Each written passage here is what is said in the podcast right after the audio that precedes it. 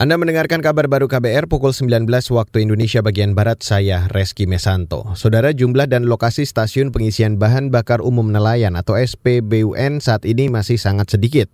Karena itu Ketua Harian Kesatuan Nelayan Tradisional Indonesia atau KNTI, Dani Setiawan mendesak pemerintah menambah SPBUN di kampung-kampung penangkap ikan. Jadi kita butuh lebih banyak lagi infrastruktur penyediaan BBM bersubsidi untuk memenuhi akses atau kebutuhan lain-lain kecil. Nah, kuota atau penyerapan. Jadi kalau kita lihat sebenarnya kuota BBM bersubsidi tahun 2021 itu sampai 1,9 juta kiloliter total nasional ya untuk nelayan, BBM bersubsidi untuk nelayan solar. Tetapi penyerapannya itu sangat rendah, di bawah 30 persen. Sedangkan di lapangan banyak nelayan tidak bisa mengakses BBM bersubsidi. Ketua Harian Kesatuan Nelayan Tradisional Nasional Indonesia, Dani Setiawan juga mendorong pemerintah memperketat pengawasan serta menambah kuota distribusi BBM bersubsidi untuk nelayan.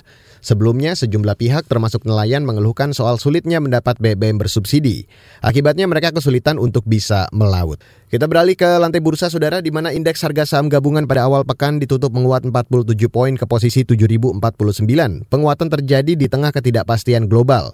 Namun penguatan tidak terjadi pada nilai tukar rupiah yang sore tadi ditutup melemah 14 poin ke level 14.360 per 1 dolar Amerika. Sementara kelompok 45 saham unggulan atau indeks LQ45 juga meningkat 9 poin ke posisi 1026.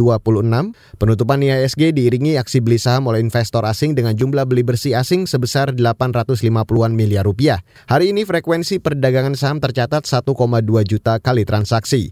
Total ada lebih dari 25 miliar lembar saham senilai 14-an triliun rupiah. Saudara pemerintah Palestina menginginkan kebebasan beribadah di Yerusalem atau Al-Quds secara utuh tidak hanya untuk muslim tapi juga seluruh umat manusia.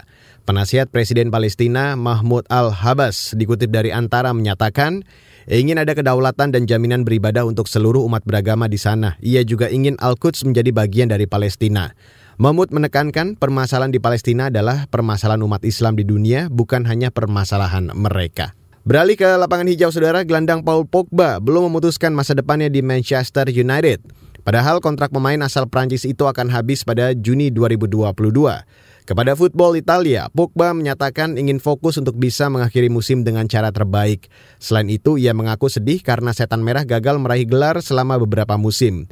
Di MU, Pogba sudah menyumbangkan satu gelar Piala Liga Inggris dan Liga Eropa. Dan saudara, demikian kabar baru saya Reski Mesanto.